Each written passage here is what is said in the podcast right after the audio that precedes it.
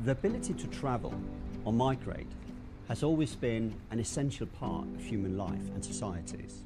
Historically, our ability to travel used to be constrained mainly by geographical and technological limitations. Today, however, it's different laws that determine where we're able to go, how easily we get to travel, and for how long we get to stay.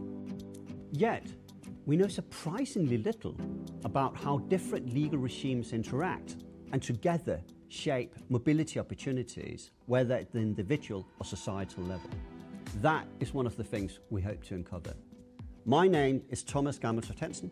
I'm a professor here at the Faculty of Law, University of Copenhagen, and I'm the director of Mobile, our new Centre of Excellence for Global Mobility Law. Laws related to human mobility tend to be scattered and quite complexly intertwined.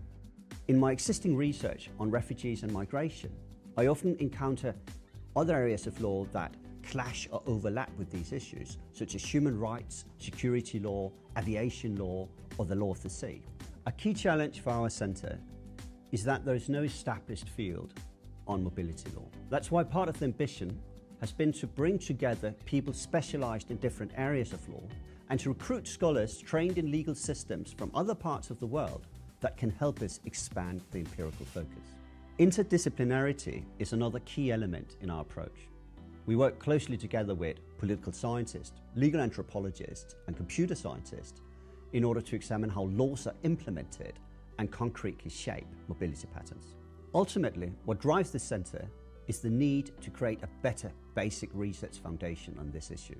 If mobility is essential for human development, better understanding of its legal infrastructure is essential for discussions on how societies should respond to current or new mobility challenges, from economic development and labour shortages to climate change and pandemics.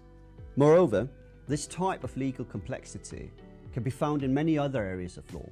In that sense, our research can hopefully contribute to general theories of what happens when different legal rule sets clash, interact, or overtake one another.